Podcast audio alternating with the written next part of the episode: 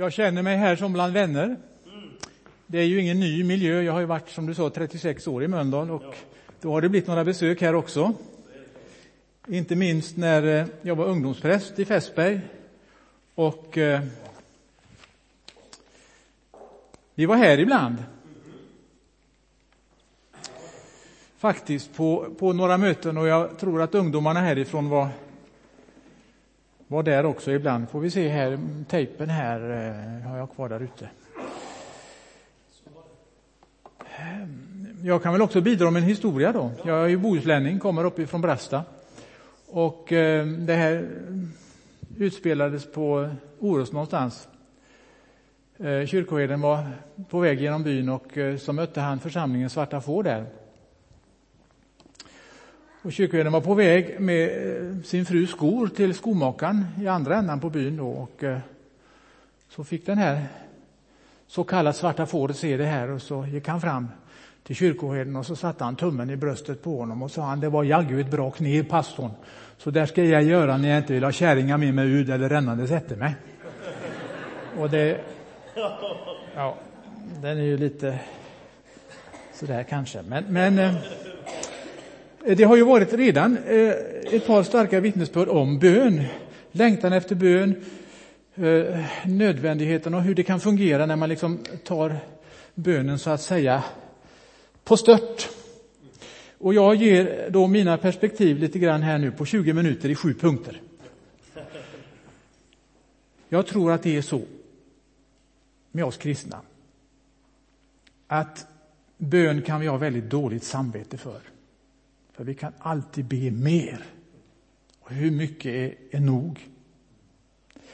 Och bibelläsning är en annan sån där sak som jag tror, som jag vet att kristna har dåligt samvete för. För man kan alltid, man kan alltid läsa mer. Och man kan alltid ge mer i kollekten och man kan alltid engagera sig mer och så vidare. Jag ska därför ta ett lite annat perspektiv på det här så att det inte blir så att ni går härifrån så här, hoppas jag. Bönen mera som en möjlighet och som en gåva. Och tänk om det är så enkelt och så naturligt och så nära. Ska vi se, jag har tejpat lite bättre här uppe, lite sämre här kanske.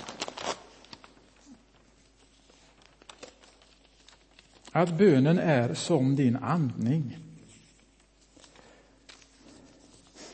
Kanske andning till och med är bön. Kroppen är funtad så att hela tiden, natt och dag, så andas vi in, vi tar emot livet och vi andas ut, vi ger ifrån oss.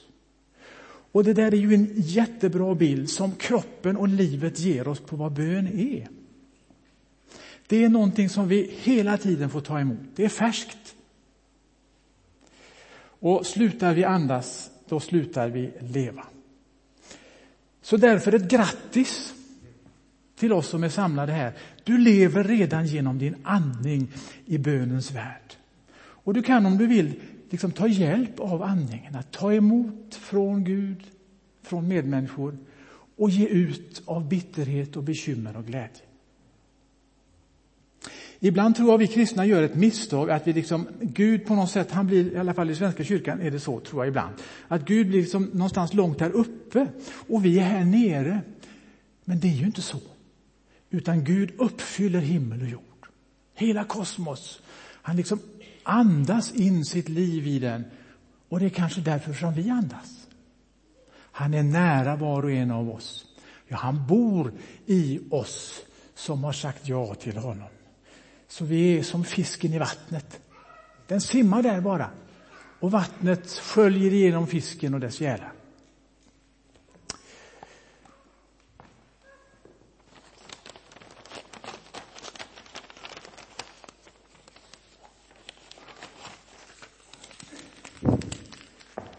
Jag är lite av en pedagog, tror jag i alla fall, så det är därför jag gör så här i punkter. Bönen börjar alltid hos Gud. Tänk vad skönt. Det är där det börjar, det är inte här det börjar. Det här är ett gensvar. Om Gud är vårt ursprung, som allt skapat, också jag och du kommer ifrån, om han är vårt mål, dit allt är på väg en gång, så är det ju självklart. Guds kärlek till mig är mycket större än den jag eventuellt kan uppamma mot honom. Guds längtan efter mig är mycket större än den längtan jag eventuellt ibland kan känna för honom. Och att varje människa är, just du och även jag, är en unik färg i Guds stora skaparkonstverk. En unik ton i Guds gigantiska symfoni som han spelar med hela världen. Och där, om vi inte ger ett gensvar, så är det någonting som fattas. Och där är det vår längtan som driver oss, tror jag.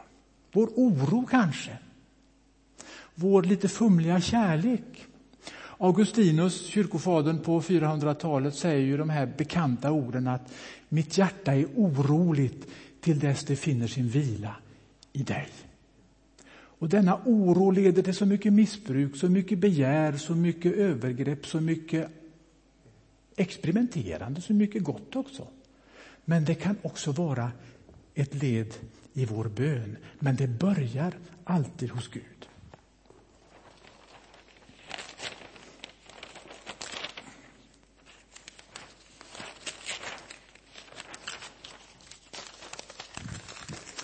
Bön är människan vänd mot Gud i allt. Jag såg en film häromveckan, Wild hette den. Det var inte alls kristna människor, men en var på, nära, på väg att dö i cancer. Och båda barnen bad intensivt att ett mirakel skulle ske. Det hände ju inte. Men i fara, i yttersta fara och också i stark glädje så är det naturligt för människor att rikta vår bön eller vår tack någonstans. Men hur är det när det är måndag? Hur är det när vi inte känner någonting? När vi inte har känslorna, varken de här svåra eller de glada med oss. Då är det inte lika naturligt. Men det är då vi kan komma tillbaka till andningen.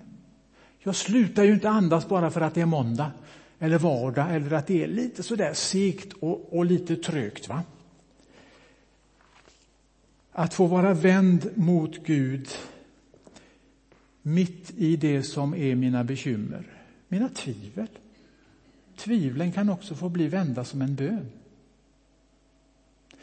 I skapelseberättelsen så står det hur Adam liksom vände sig bort från Gud. Det är sekularisering. Skapelsen, människan, vänd bort från Gud.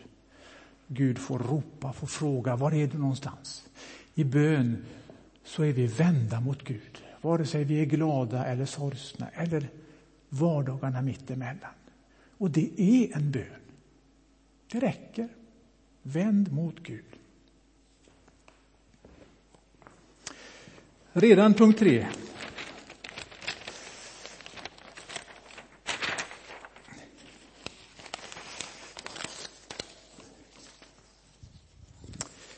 Det finns en psalm i, jag vet inte om den finns med här i Segertornet, det är nummer 213. Jo, men då bör den väl stå här, då är den med här. Stina Andersson, känner ni henne? Hon är författare i Skövde, läste jag det. Men hon, hon skriver om bönen så här. Att bedja är ej endast att begära. Att själviskt ropa, giv mig Herre, giv. Att bedja är att komma Gud så nära att han blir livet i mitt eget liv. Tänk väl.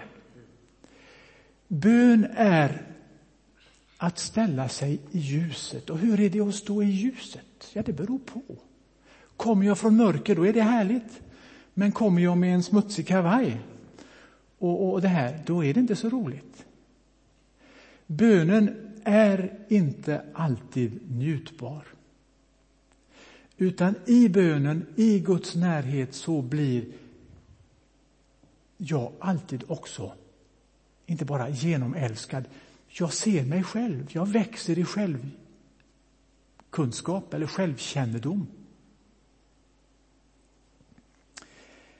Jag minns när jag själv eh, kom till medveten tro i 20-årsåldern. Jag är alltså uppväxt i kyrkan uppe i Brasta i Bohuslän där. Och visste vad kristen tro var, men det blev inte personligt förrän i 20-årsåldern och det, det, det betyder väldigt mycket. Och jag kom in i sammanhang där, vi, där det handlade om fri bön, det hade vi ju aldrig. Svenska kyrkan var ju liksom i bönboken och det var det man höll sig till i princip. Sen vet jag inte hur folk bad privat naturligtvis.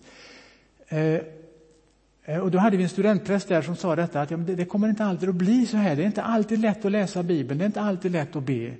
Och jag skrattade åt honom lite grann sådär lite. Ja, ja, det här är en som är annorlunda.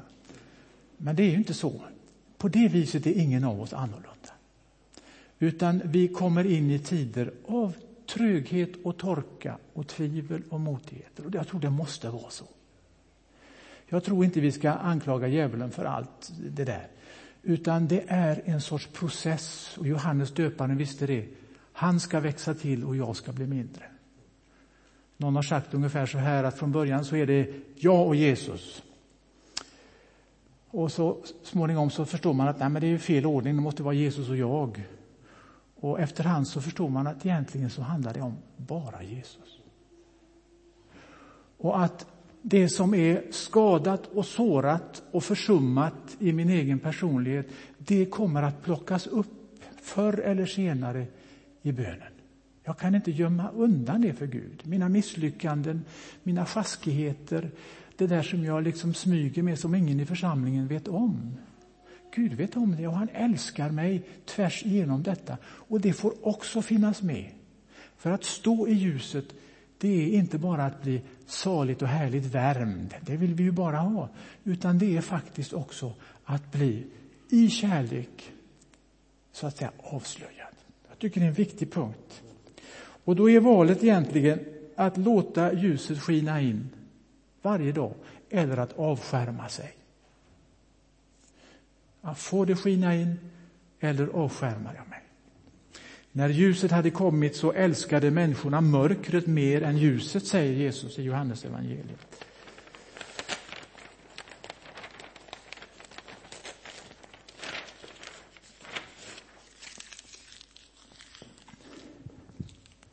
Jag ska inte säga mycket om detta, för det hinner jag inte. Men eh,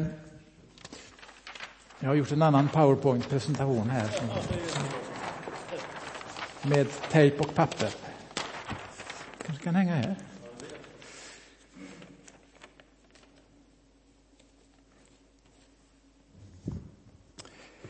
Där vi känner till det här med att be om någonting. Det finns ju starka löften om bön och bönhörelse. Eh, förbönen är en otrolig kraft. Paulus i sina brev. Han både skriver hur han tackar för församlingarna men också ber för mig så att ordet öppnas och jag, ordet vinner framgång och så vidare. Och att i den personliga, eller i församlingens förbön, det är ju faktiskt att få vara med och utgjuta Guds välsignelser över en människa, en familj, ett samhälle eller en värld. Eh, att tacka Gud i alla livets förhållanden, men, men kanske framför allt förundran. För utan en förundran över skapelsen, över att jag, mm, lilla människa, märkvärdiga människa, finns till, över Guds hemligheter i ordet, så finns liksom inte mycket av det här heller. Det blir en snål människa, en förkrumpen människa som, som lever om hon lever utan förundran. Men att allting bärs av Guds ljus, Guds nåd, Guds välsignelse som är liksom själva bärande. Att Gud är, det är själva grunden för att vi är och för vår bön. Helt kort.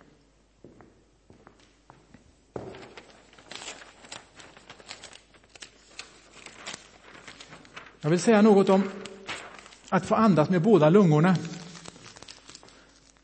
Jag vet inte hur det skulle gå till om man kunde täppa till den ena lungan och bara andas med den andra. Och det finns människor som har en lungsjukdom där man är reducerad i sin lungkapacitet och så. Och med det så menar jag detta, alltså bönen, den fria bönen, men också den formulerade bönen. Jag tror det är viktigt med den balansen. I Svenska kyrkan där jag kommer ifrån, där var det bara bönböckerna och det formulerade. Och sen kom jag in i ett sammanhang där det blev väldigt mycket bara fri bön. Och nu på min ålderdom så har jag kanske hittat en balans. Vi använder oss, min fru och jag, dagligen av eh, tidebönen, alltså att, att få be med Guds ord, med saltarsalmer mest och lite nytestamentliga texter. En växelvis som kan upplevas väldigt träg, och, och som är bön på ett helt annat sätt. Men man ber in så att säga ordets formuleringar och de kommer att leva. Jag tror att bönen och ordet hänger väldigt nära ihop. Jag kommer inte att säga mer om det. Eh, men vi kan inte bara ha det här formulerade naturligtvis, utan när livet bränner till, när man är nere på botten eller uppe i höjden, då måste vi uttrycka det på något sätt inför vår skapare och frälsare. Men att få andas med, med båda lungorna, jag tror det är viktigt. En sak som jag har efterhand kommit in i Alltså det är så olika skeden i livet och, och då ser behoven olika ut och vi är olika personligheter. Men att få leva, jag vet inte vad jag håller på nu här, jag bara satt klockan. Leva, att få vila i de få orden. Jesus säger ju det här, det är inte för många ordens skull som ni blir bönhörda och så. Men att få gå en dag och liksom bara be Jesusbönen, där bara namnet Jesus finns med. Det är ju en bön som egentligen täcker allt. För en människa, för sin egen nöd, i sin egen glädje. Jesus, Guds son, förbarmade över mig. Det som Bartimaeus säger till Jesus när han hejdar honom på vägen där. Eh, eller bara liksom ett, ett bibelord, Gud är kärlek. Och där man kan lägga in både längtan och den kärlek man själv har i de orden och så får de orden vara en sorts vilans bön. Och där menar jag också att bönen Fader vår, eller Vår Fader, är en, en perfekt bön. Jag menar, Jesus har lärt den. Och någon har sagt att eftertänksamt och stilla bara be igenom den bönen, då har man täckt allt. Där är Fadern, vi får kalla Gud vår fader. Där är hans namn, det heliga namnet som är nämnt över oss. Där är bönen om riket och att hans vilja ska ske. Där är bönen om det dagliga brödet. Där är bönen om relationerna och eh, att rädda oss ifrån det onda. Och att liksom i de få orden så finns egentligen hela tillvaron, hela människan. Och Det kan vara ett sätt för den som är lite, har kört fast eller är bönetrött att liksom bara få stanna inför den punkten där. Låt ditt rike komma, Gud. Låt din vilja ske. Ge oss det bröd vi behöver. Och det då innehåller allt det.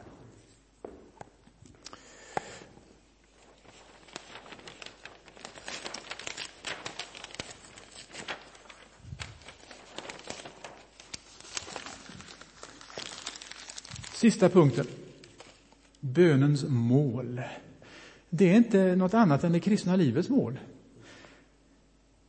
Att Kristus ska ta gestalt i varje människa och i hela världen. Alltså det är inget mindre mål än detta. Det liksom handlar inte om att komma till himlen så. Snarare kommer himlen ner, beskriver Johannes i Uppenbarelseboken. Paulus med den bråkiga församlingen i Galatien så säger han så här att eh, jag, jag ber att Kristus ska ta gestalt, att han ska förkroppsligas i er.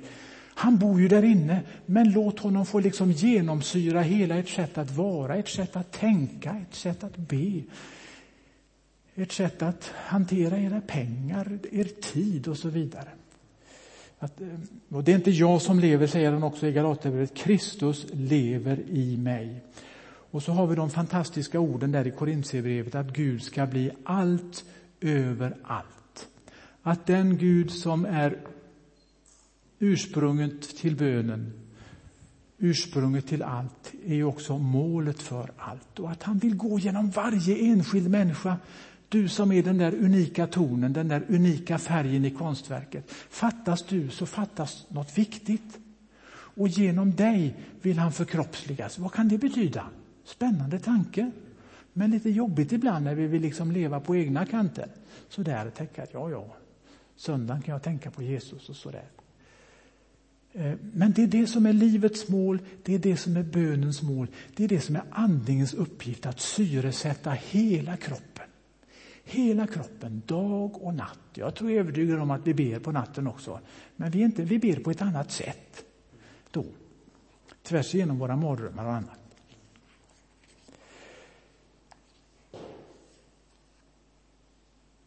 Och då handlar det alltså till sist om att få be. Det är att få andas in Guds liv i den egna nöden.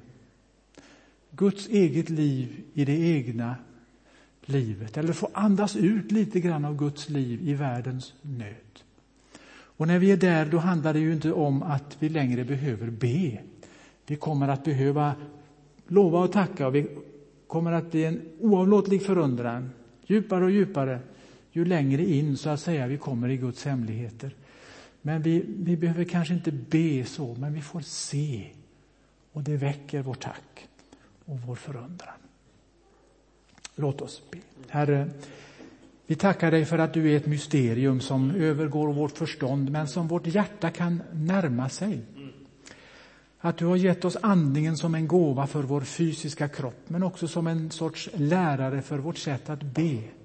Vi får ta emot och vi får ge vidare. Herre, så ber jag att du löser oss från krampen i bönen. Att det, vi helt enkelt bara kan få vila i detta att du, Herre, älskar oss. Jesus, du ber för oss. Den helige Ande vädjar för oss. Och just därför så kan vi få ge ett gensvar i vår nöd och i vår glädje och i det som är vår vardag.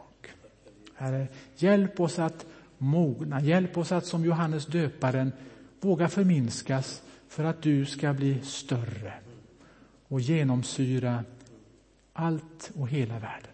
Amen.